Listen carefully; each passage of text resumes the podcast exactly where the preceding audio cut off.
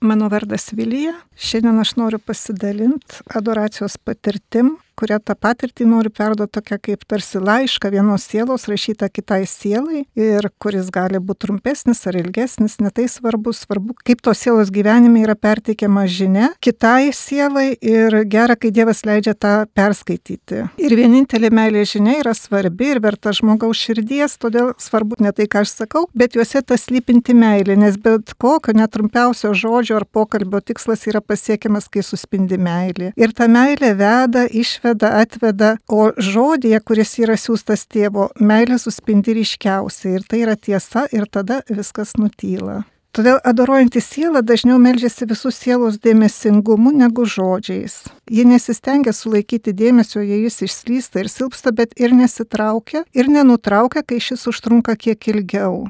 Ji yra tarsi dikumos klajoklis. Laikas sutelpa istorijos ir tiekmės būvyje, o amžinybėje jis išnyksta, jo nėra. Taip ir adoruojančiai sielai laikas dažnai išnyksta, tarsi dinksta. Ji tiki, kad yra vienintelis laiko valdovas ir viešpats, kuris leidžia jai būti dabar savo artumoje. Ir ją regi mylintis Dievas, tėvas, visagalis. Tai jo galioje yra laikai ir amžinybė. Tai tarsi tikra perėjimo vigilija. Taip siela palaipsniui nurimsta ir nusivelka tuos paviršinius rūpešius, su kuriais atėjo į maldos laiką.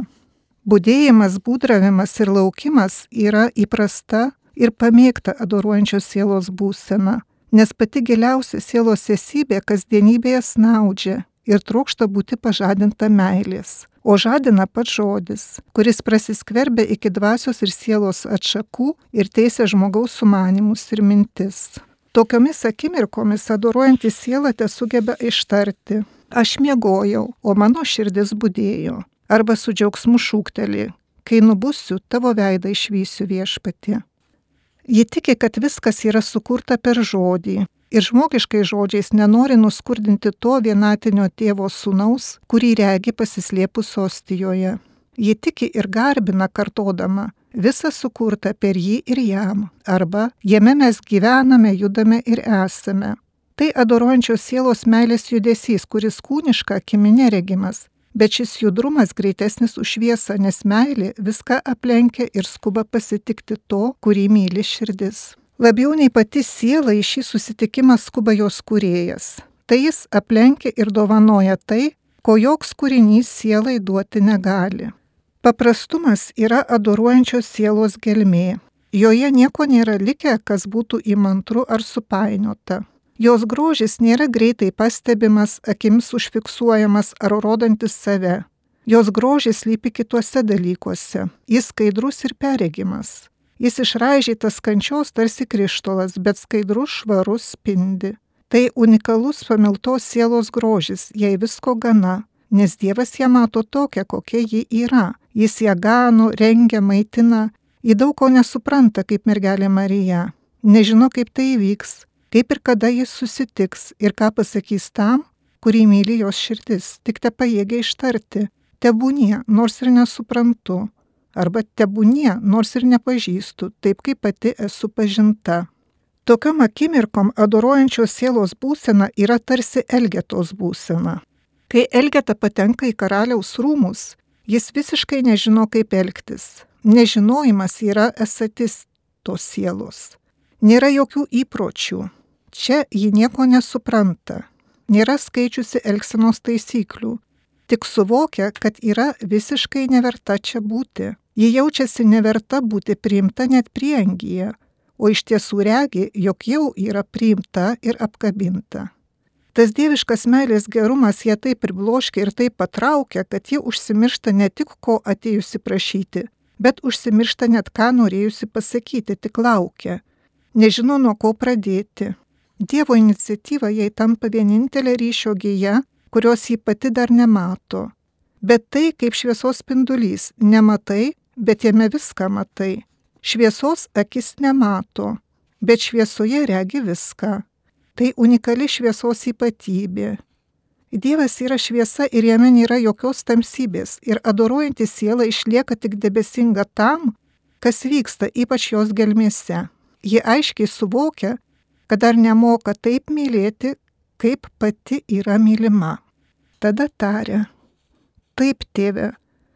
Tebūnie, taip, tebūnie, tėve, tavo sprendimai ir tavo valia. Man ir visam mano gyvenimui ir mano mirčiai taip pat. Tu esi gyvybės ir mirties viešpats. Te būna taip, kaip tu nusprendėjai. Ateis metas, kai viskas paaiškės, o dabar dar paslėpta. Tebūnie. Tai keli adoruojančios sielos žodžiai išsprūstantis iš širdies, kuriais įkreipėsi į savo kurėją ir viešpatį, laukdama jo gyvo atsako maldoje. Dėmesingumas Dievo žodžiui ją išlaiko gyvybinga. Adoracijoje ši siela dažnai elgesi kaip elgeta prie miesto vartų, žinodama, kad jis yra vartai ir kas eis per jį bus išgelbėtas. Jis yra gerasis ganytojas, jis eina prieš akiją, o avys jį seka. Tai Jėzus yra kelias pas tėvą, niekas nenueina kitaip kaip per jį. Ir adoruojantis siela žvelgia į savo Dievą Ostijoje ir tiki, kad ji yra jo kaimenės dalis, kurią jis pats savo išrinko, surinko aplink save, dalis tos kaimenės, kuri yra jo įsigytosios liaudės dalis tai jo kraujas išlietas už avis teikia jai laisvę gyventi atnaujintą gyvenimą, per jį, su juo ir jame. Visą amžinybę siela nepaliaus dėkoti už gyvenimo su juo ir jame dovaną. O dabar jie tai gali daryti adoracijų ir džiugauti su mergelė Marija Dievu savo gelbėtoju, Dievu, kuris už avis atidavė savo gyvybę, kuris išlėjo, išėjo ieškoti metui atėjus tos vienintelės avies, kurios varda žmonija. Tai tarsi vienas Adomas, tarsi vienas žmogus, visa žmonija. Jei visa žmonija, visas pasaulis tampa panašus į tą vieną vargšę nuklydusią ir nuo Dievo nutolusią avį. Adoruojantis sielą skuba užtarti ir dėkoti, kad jis atėjo, surado, išsivedė ir pamaitino savo kūnu ir krauju. Taip tai didelė vertė ir didelė laimė. Kas yra Kristuje, tas yra naujas kūrinys. Adoruojantis siela nepaliauja žvelgti į ostiją, kurioje meilė paslėpta. Ji pati nori pasislėpti ir tapti maža, tokia maža, kad pasaulis jos nepastebėtų. Nori būti daug mažesnė už pačią mažiausią ostiją. Ji melčia savo įganytoje, kad jis pats paslėptų ją savo ranko šešėlyje, rankos, kuri valdo visą visatą delne. Delne, kuriame įrėžti tik jam vienam žinomi vardai. Siela pasislėpia mažume, tarsi šilkinėme apvalkale, kurio viduje sparnų ir skrydžio užuomina. Drugelio gimimo istorija pereina per jo širdies atmintį, bet ten nepasilieka. Mylimoji siela ištikimai laukia jai vienai pažįstamo mylimojo balso. Ji žino, kad laikas yra viešpaties, o jai pridera laukti. Šiame laikiname gyvenime ji nelinkus skubėti ir jos ilgesys jai kužda, jog verta laukti. Laukti taip, kaip laukė tos dešimt mergaičių su žibintais. Adoruojančios sielos žibintas yra jos širdyje. Tai ten jis saugo kartu su mergelė Marija Dievo žodį, kuris yra šviesa jos takui. Meilė, kuri negesta, nes jai pasakyti žodžiai yra gyvi ilgalaikės atminties kloduose. Jį girdi tariant, amžiną meilę tave pamilau ir nenustosiu reikštis tau ištikimą meilę. Taip pat girdi pranašo Jeremijui tariamus žodžius tarsi jai skirtus. Nebijok nieko, nes aš esu su tavimi ir tave apsaugosiu, viešpatie žodis. Elgetai prie miesto vartų nereikia daug žodžių, jam pakanka būti tuo, kuo jis yra ir būti tinkamoje vietoje. Todėl adoruojantis siela nepaliaujamai būdi prie Jėzaus, esančio Ostijoje. Ji nepaliauja būti savo vietoje, paskutinėje vietoje. Ji yra paragavusi ir pavargusi nuo linkusio nuolat pirmauti savojo aš ir visus kitus brolius laiko aukštesniais už save. Ji gerai žino savo būseną, nevertumo būseną. Tai jos tikroji vieta, iš kurios tik pats sielos šeimininkas turi teisę ją pajudinti. Vis tik pačios sielos menkumas, jos nevertumas, mažumas yra gera dovana, už kurią reikia dėkoti, nes tik vienas Dievas galiūnus numeta nuo sostų ir išaukština mažuosius. Adoruojančios sielos menkumas, jos mažumas yra tarsi tie variniai smulkus pinigėliai, kurių niekas nevertina, bet kaip tik juos ji aukoja Dievui. Jei tai tarsi tie tikrieji našlės skatikai, kuriuos praeivis gatvėje net nepasilenkia paimti, ypač jeigu jie guli purve. Bet kaip tik už tokią menką auką ji tikisi įsigyti bičiulių danguje. Tai, kas pasaulio akise menka, kas nevertinama, ko nėra, tampa auka. O auka turi labai savitą paslėptą galę, tarsi sėkla. Ji turi viltį būti paimta, pakilėta ir perkeista. Ji turi viltį įsigyti turtą ir bičiulius danguje, kur rūdys nieko neėda ir kandys neįsiveisia. Tiek rūdys, tiek kandys yra klastingi turimo turto priešai. Jie veikia lietai, nepastebimai, labai kryptingai ir vis į vieną ir tą patį tikslą - į sunaikinimą. Taip yra. Tai tos nepastebimos klaidos, nesusipratimai, įdos, nuodėmis, kurių galima iš karto net nepastebėti arba nepripažinti. Tai iš esmės sielos, kuri prarado meilę būvis. Ji pati net nepastebėjo, kada ir kaip prarado, bet yra likusi tuščiomis. Ir kaip tik tada verta eiti prie šaltinio. Prie meilės ir gyvybės duonos, prie gyvenimo duonos, prie šviesos, kuris spindi tamsoje ir tamsa jos neužgožia. Tai tinkamas laikas, Tai nuolat tinkamas laikas, tai dabar. Esamasis laikas, nes kito laiko nėra duota. Tai ši diena, šis metas. Metas, kada į laiką gali įsiveršti amžinybė, Kyrijos metas, malonės metas. Kartais, kad galėtum artintis ir prieiti visai arti, ypač pas kokį nors karalių, reikia tinkamai apsirengti. Be tinkamo drabužių į tokį artumą neprileidžiama bet artinantis prie meilės paslapčių greičiau tenka nusirengti negu apsirengti, nes meilė regi keurai. Tokiai sielai tenka praeiti savitą kelią, dažnos išpažinties kelią. Tai iš tiesų tarsi tie netikri variniai pinigėliai ar tie skarmalai, kuriais laimima šventas palaimintas tyrumas. Ateinu tokia, kokia esu. Taip suvoktas ir atiduotas vargingumas gali išlaisvinti nuo visų kitų dalykų, kad galėtume turėti vienintelį tikrą lobį Dievą. Ir tai jį reikia saugoti. Savąją širdies taurę pripildytą šios Dievo artumo patirties, šios dieviškos meilės vyno, adoruojanti siela neša savo kasdienybėje tarsi labai dužų ir brangų indą. Neša visų savo vidumi, visa esatimi, nes meilė yra to verta. Ji neša ją švelniai ir jautriai, tyliai, vienodai susitelkusi tiek į veiklą, darbus, tiek į giluminę maldą. Nesvarbu kur, svarbu kas šios taurės viduje. Būdėjimas ir būdravimas tampa pamėgta šios sielos būsena. Tokia siela iš tiesų tampa tarsi peregima, peregima dėl joje slypinčio nesuvokiamo gėrio. Nes kur tik pasirodo Dievo meilė žmonėms, neįmanoma nuslėpti ir jo gerumo. Ar gali būti didesnė meilė ir gailestingumas žmonėms, kai pats Dievas pasima mūsų vargingumą? Ir kas gali suvokti garbinimo tokioje tiesoje galę? Todėl ši siela nepaliauja kartojusi viešpatie, nesuverta, kad ateitum į mano širdį, bet tik tark žodį ir bus išgelbėta visa mano gyvastis. Ištark žodį, kad galėčiau jį priimti, tark žodį ir nušvis tamsybės, užtekės aušrinė bus vienita visa tavyje, tark žodį, kai laukimu virpa visa sielos esatis. Vien Dievo gana, pradžioje buvo žodis, atkartoja jie evangelisto Jono prologo pradžią ir prašo, duok mano sielai naują pradžią, naują gyvybę, meilę, kuri nesibaigia. Pradžioje buvo žodis nepaliauja kartojusi, ir ta žodis buvo pas Dievą, ir žodis buvo Dievas Visa per jį atsirado ir be jo neatsirado nieko, kas tik yra atsiradę. Jame buvo gyvybė ir ta gyvybė buvo žmonių šviesa. Šviesa spindi tamsoje ir tamsa jos neužgožė.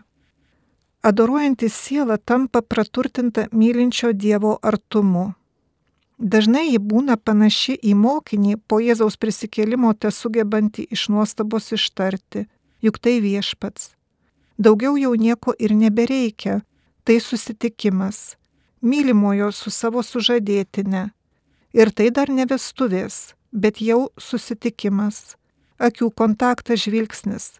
Tai adoracijos malonė, meilės dosnumo anspauda širdyje. Gyvenimas tokiai sielai nėra praeinantis laikas, bet susitikimų metas. Tai tampa gyvo, perkeičiančių ir pripildančių visą sielos gelmę susitikimų laikas, visa sielos gyvenimo istorija. Tada ji giliai savo širdyje prisimena padrasinančius žodžius. Aš esu, kuris esu. Arba kitus, drąsos, tai aš. Ji jau patyrė, kad Dievas yra visuose istorijos įvykiuose dėl mūsų.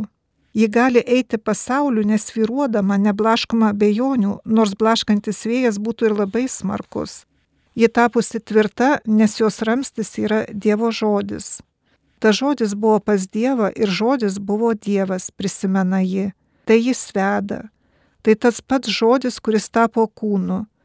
Tai pamatas, ant kurio stovi jos gyvenimas. Tai tiesa, kuri nėra išjudinama pigių abejonių. Adoruojanti siela dažnai yra tarsi svetim šalė šiame pasaulyje. Ji jaučiasi iš tiesų tarsi svetimtautė tarp pasaulio tautų. Ji nebyli, tyli, nemokanti vietinės tautos kalbos arba Dievo malonės veikimo dėka jau yra ją užmiršusi. Taip atsitinka, kad dažnai ji net negali pasakyti tai, kas labai svarbu, kas gyvybiškai būtina Ji keliauja Dievui te žinomais meilės takais. Ji yra toji, kuri pažino meilės kalbą, o žmonės dažniausiai kalba rūpešių ir reikalų kalba, kasdienybės kalba, kuri yra labai racionali, bet visai negydanti arba labai menkai gydanti. Adoruojanti siela suvokia, kad yra daug pasaulio kalbų, bet yra viena dangaus kalba - tai meilė. Kalba, kuri dažniausiai yra mamos kalba, suvokia net vaikas, kuri žodžio nemoka pratarti. Toks vaikutis žvelgia į mamos veidą ir regi širdį, regi meilę besiliejančią per visus jutimus. Tokia vaikiška trokšta būti ir adoruojanti sielą mylinčio tėvo žvilgsnėje. Tačiau meilės takuose, kuriais jie veda tėvo ranka, adoruojančiai sielai vos pradėjus keliauti, tenka skverbtis per spigliuotus ir dygius erškiečius Tenka pereiti per mintis ir jutimus, kuriuos atsinešė pati arba kuriuos perteikė kiti to net nenorėdami. Savo įspūdžiais, savo žvilgsniais, požiūriais, savo vaizduotės dėka, skubotai žodžiais, dviprasmiškomis užuominomis ar kitų būdų. Iš tiesų, šioje tylos kelionėje siela kartais atranda daug nesvetingumo, Tai jos kelias - pereiti per visą tai, per savo jutimus, mintis, savokas, per atmetimą, priešiškumą, neapykantą, nesvetingumą, širkštumą. O visą tai perėjus - dėkoti. Verta visada dėkoti, nes meilė galingesnė už visą tai ir mirtis jai nebeturi galios. Mes visą lengvai nugalime dėliai to, kuris mus pamilo. Jis pirmas mus pamilo. Tad kas pajėgs mus atskirti nuo Dievo meilės? Jei jau įžengėme, pasiliekame. Kartais adoruojanti siela nepajunta, kai ima kalbėti daugiskaita, tarsi būtų ne viena. Tai jos paslaptis - šventųjų bendravimo slėpinys. Vienas kitą mylintys asmenys visada turi paslapčių. Žvilgsnėje pasislėpusi gyvoji ostija kiekvienai sielai yra slėpinių slėpinys, prieš ką mirtingieji nutyla. Adoruojantis siela nuolat trokšta pasiekti dangų, tėvo širdį, jo namus. Ji klauso savo širdyje tiesos, kuris kelbia. Mano namai vadinsis maldos namais visoms tautoms. Arba kartu su psalmininku kartoja, kas įkops į viešpaties kalną, kas išdrys jo šventovėje būti. Tokiais momentais ji nedrasi ir stapteli savo maldos kelyje Ji bando nutilti iki sielos gelmių, kad išgirstų dvasios dvelgsmą, tą meilės judesi tėvo žodyje. Malda yra dangaus kalba. Adoruojančios sielos kalba yra meilės kalba. Šios kalbos siela mokosi žemėje kaip vaikas. Ji tik stebi, klauso, įsiklauso, bando įterpti savo žodį vieną ar kitą, dažnai su nesėkme, dažnai su žemiška intonacija, kuri išduoda jos kilmę iš Adomo ir Jėvos šaknų. Bet ji rami, nes regi ir žvilgsniu matuoja meilę, nors nieko negali pasakyti kaip kūdikis arba kaip motina, kuri žvelgdama į kryžių tyli, nes čia visi išminčiai nutyla, o žemiški plėšikai burnoja ir pyksta dar labiau. Ji rami, nes žino, kad Dievas mato jos širdį ir skaito jo širdyje tai, ką ji nėra įgarsinusi žodžiu. Tai daug geriau nei kalbėti, nes kūnas čia nieko neduoda. Tai dvasia teikia gyvybę. Ji dažnai prisimena savo širdyje ir kartoja, kas net gims iš vandens ir dvasios, neįeis į dangaus karalystę. Ji prašo, maldauja dvasios išsiliejimo savo širdyje ir laukia pažado išsipildymo. Ji tiki, jog viltis neapgauna, nes Dievo meilė išlieta mūsų širdyse šventosios dvasios, kuri mums duota. Tai dovana. Ji tarsi jau apdovanota, nes jau yra tikrovės paragavusi, bet dar nėra pilnatvėje. Ji džiaugiasi tuo, kas yra, ką yra gavusi ir laukia meilės ryškesnės už saulę tos meilės, kurio žavisi avinėlio nuotaka. Visi šios dangiškosios kalbos žodžiai, maldo žodžiai, kurie ištariami arba pasislepia vien dvasios gelmėje, vien širdies meilės šuliniuose, tarsi gerai brandinto vyno rūsiuose, visi šie žodžiai krypsta ir linksta į tą vienintelį žodį, kuris tapo kūnu ir tą kūną akis regi švenčiausiame sakramente. Kas vyksta sielo žvilgsnio gelmėse ir jos susitikimo su ją mylinčiu Dievu akimirkomis nesuvokia niekas. Tai paslėpta nuo kitų akių ir nuo visų minčių. Evangelinė gelmė nėra žmogiškojo sumanumo ar įrodymo dalykas. Meilė niekada nesibaigia, jie amžina, o amžinybėje nereikia įrodymų, ji viršė visą tai. Todėl visi adoruojančios sielos maldo žodžiai atskleidžia tą vienintelį meilė išgrininta troškimą, Dievo troškimą. Kartu tai yra ir ištakos visų jos valios pastangų tiek maldoje, tiek veiksmuose. Šis kilnus troškimas tiek užvaldo sielą, tiek ją persmelkia, kad ji būdama gilioje vienybėje siekia vieno ir to paties visiems kartodama Jėzaus amžinojo kunigo žodžius. Tėve, kad visi būtų viena. Taip iš tiesų, tegu visi bus viena, kaip tu tėve manyje ir aš tavyje, tegul ir jie bus viena mumise, kad pasaulis įtikėtų, kad jie pasiektų tobulą vienybę ir pasaulis pažintų, jog tu esi mane siuntęs ir juos myli taip, kaip mane mylėjai. Tėve, aš noriu, kad tavo man pavestėjai būtų su manimi ten, kur ir aš.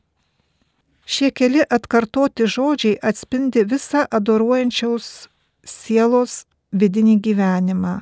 Tai jos gyvenimo druska, jos vienybė yra jos laimė, jo širdis ilsisi Dieve, savo išganytojo meilės gelmėse ir iš šių gelmių ji trokšta neišnirti net eidama pasaulio gatvėmis, sutikdama brolius, dirbdama darbus ir savo kasdieninėje veikloje dalindamas save kaip duona kitiems, tai darydama tyliai be žodžių, bet dažniausiai su šypsena su meile, kaip Jėzus ostijoje. Ji žino, kad viską daro Dievas, ji tik sutinka su juo. Sako Amen. Tebūnie, jei šiandien nori, kad būčiau čia, tebūnie. Jei nori, kad nebūčiau, tebūnie. Jei nori, kad kalbėčiau, tebūnie. Jei nori, kad tylėčiau, tebūnie. Jei nori, kad neščiau kartu tavo kančią, taip ir tai tebūnie, nes viskas Dieve meilėje turi neišmatuojamą gilę prasme. Gyvenimas įgauna prasme, toks gyvenimas nėra nupigintas sėkmės pojūčio, tai gyvenimas, kuris yra druska. Adoruojanti siela yra kovojanti siela, kovos tyloje ir tylos kovos siela, kuri žino, kad mūsų kovos ginklai yra nekūniški, bet turi Dievo galybę greuti tvirtovės. Jais nugalime gudravimus, jais paimame nelaisvin kiekvieną protą, kad paklustų Kristui. Ji prisimena, jog tikėjimu buvo sugriauti Jericho mūrai po septynių dienų žygiavimo aplinkui. Taip pat Mozė tikėdamas paliko Egiptą ir nepabūgo karaliaus rūstybės. Jis liko nepajudinamas tarsi regėtų neregimą jį. Tikėdami jie perėjo per Raudonąją jūrą tarsi per sausumą. Visi šie įvykiai stiprina sielą jos tikėjimo kovoje ir skatina ištverti, Taip apšviesta ji tampa pajėgi ištverti didžių kentėjimų kovą. Žino, kad iš mūšio geriau sugrįžti sužalotai, su žaizdomis, bet nedėra dezertiruoti ar dreifuoti. Ji nėra linkusi bėgti nuo kasdienybės, bet neria į ją kaip žuvis į jūros platumas. Savo esaties gelmėje adoruojanti siela suvokia, kad ji yra tikėjimo tėvo Abraomo dukra, tačiau ne iš žvaigždžių padermės, bet iš žemės dikumos smilčių. Ji žino, kad tą lobį, šviesą ir meilę ji nešioja molinėme inde savo kūne. Bet nuo to jos lobis nemenksta, tik dar atidžiau saugojamas. Iš tiesų, gyvendami kūne, mes kovojame nekūniškai. Abromas patikėjo Dievu ir tai jam buvo įskaityta teisumu. Teisusis gyvens tikėjimu. Gyvenimas be tikėjimo tokiai sielai yra tarsi druska be surumo, arba ugnis be kaitros, arba kova be tylos. Kovoje laimi tas, kuris palieka savo baimės. Kas bijo, dar netobulai myli. Tobula meilė išvėja baimę. Adoruojanti siela panyra Dievo meilė ir pasilieka laukime. Tai laukimo meilės ir tikėjimo bičiulystė. Kovoje svarbu ne tik priešas, bet ir draugo petys. Turtingasis jaunikas dažnai ateina vidurnaktį, kai dauguma jau užmigę, net būdraujančios akys gali snuduriuoti ir būti apsipratusios su tamsa. Bet šviesa, kuri niekada negali užgesti, tai tikėjimo šviesa, kuris klinda iš paskelbto Dievo žodžio gelmės. Maldos kovoje renkame šeimininką, kuriam tarnaujame. Slapčiausia pagunda šioje kovoje yra tikėjimo stoka. Ji pasireiškia ne tiek atvirų netikėjimu, kiek dėmesingumu kitiems dalykams, o ne Dievo žodžiui. Tai momentas, kuris aiškiai parodo, ką myli širdis, kas jai rūpi. Tada ji girdė paštalo žodžius ištartus Timotiejui. O tu, Dievo žmogau, bėg šalin nuo tų dalykų. Tu verčiau vykis teisumą, maldingumą, tikėjimą, meilę, ištvermę, romumą. Kovok šaunę tikėjimo kovą, pagauk amžiną į gyvenimą, kuriam esi pašauktas. Be to girdi reikalavimą, kad nebūtų kovojama svaidantis žodžiais, iš to nebūna jokios naudos vien žala klausytojams. Todėl adoruojanti siela, priklausydama dienai šviesos vaikams, mielai dėvi tikėjimo ir meilės šarvus, žinodama, jog Dievas mus paskyrė ne tam, kad užsitrauktume rūstybę, bet kad laimėtume išganimą. Kartais adoruojanti siela te gali ištarti kelis psalmės žodžius. Esu lyg paukštis tyruose, tarsi pelėda apleistuose griuvėsiuose. Esu lyg vienišas paukštis ant stogo. Ir tai gerai atspindi jos būseną, vienumos būseną, pakilėtą nuo pasaulio minčių ir takų, bet kartu ir dėjojančią dėl to pasaulio. Rytais paukščiai stebi kylančią saulę, jų elgsena sutartinai vienoda, jie kyla, leidžiasi ant stogo ir sukasi į rytus. Tačiau pelėda yra kitoks paukštis. Ji be galo skiriasi nuo kitų savo elgseną ir savitų grožių. Ji keliasi naktį, įregi tamsoje, jos akis išryškintos ir išdidintos gelsvais krituliais, jos išsiskiria ne tik savo dydžiu ir regėjimo gebėjimu naktį. Naktyje ji mato, peliauja ir drąsiai kerta peles. Ji regi tamsoje. Šventieji kartais iš tiesų lyginame su pelėda, nes jie regi tikėjimo tamsoje. Tikėjimo naktyje jie sugeba maitintis, Adoruojanti siela pasijunta panaši į pasislėpusią tamsoje pelėdą, nes kūno akimis ji nieko neregi, bet tikėjimo žvilgsnių skrodžia tamsą ir maitinasi Dievo žodžiu. Pelėda be to nemoka gražiai čiulbėti ir taip jos unikalumas atsiskleidžia balse. Ji ūkauja ir tarsi dėjuoja. Taip ir adoruojanti siela, tikėjimo tamsoje naktyje Ji dėjuoja ir vaitoja dėl pasaulio ir jame slypinčio blogio, tikėdama, jog tėvas regi slaptoje ir išklauso. Kartais paukščiai susisuka lizdus apleistuose griuvėsiuose, namuose, kurie yra be stogo, be langų, kur dangus atviras. Joks svetimas plėšrau žvėries ar kaimo katino žvilgsnis ten nesiekia, nes ten tik dangus. Adoruojančios sielos akis yra jos maldos ginklas kuriuo nugalimas artimiausias galijotas. Ji tausoja šį ginklą ir kovoja maldos kovą, kartais užmerktomis akimis, nes meilė gerai regi tamsoje, tuo tarpu protui vis reikia šviesos. Ji subara savo protą žodžiais. Jei tavo šviesa tokia tamsi, tai kokia baisi yra toji tamsa. Dažnai protas nutyla, suklūsta, stapteli, laukia ir maldai to gana. Adoruojantis siela mokosi. Pirmiausia, mokosi meilės, nes meilė ugdo, o pažinimas dažnai išpučia. Ji mokosi tokio žvilgsnio, kuriuo į ją žvelgia pats švenčiausios sakramentos teigėjas - Jėzus. Ir trokšta tame žvilgsnėje panardinti tuos, kuriuos myli, ir tuos, kurie ją smerkia, šmeižia ir jos nekenčia. Žvilgsnis unikalus tuo, kad siekia ten, kur joks lytėjimas nepasiekia.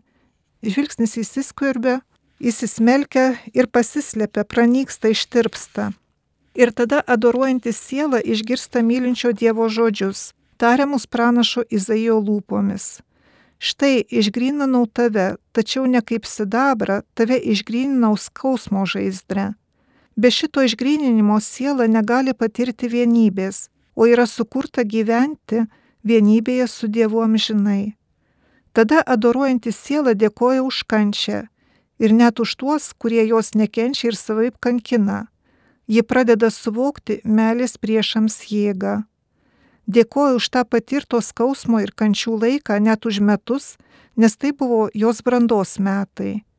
Geras vynas ilgai brandinamas, taip pat ir tikras džiaugsmas, kuris nėra praskiestas pigiais sentimentais. Tada adoruojanti siela, patyrusi Dievo didybės artumą, kartu su mergelė Marija adoracijos laiko pabaigoje gali gėdoti Mano siela šlovina viešpatį, mano dvasia džiaugiasi Dievu savo gelbėtoju, Jėzumi.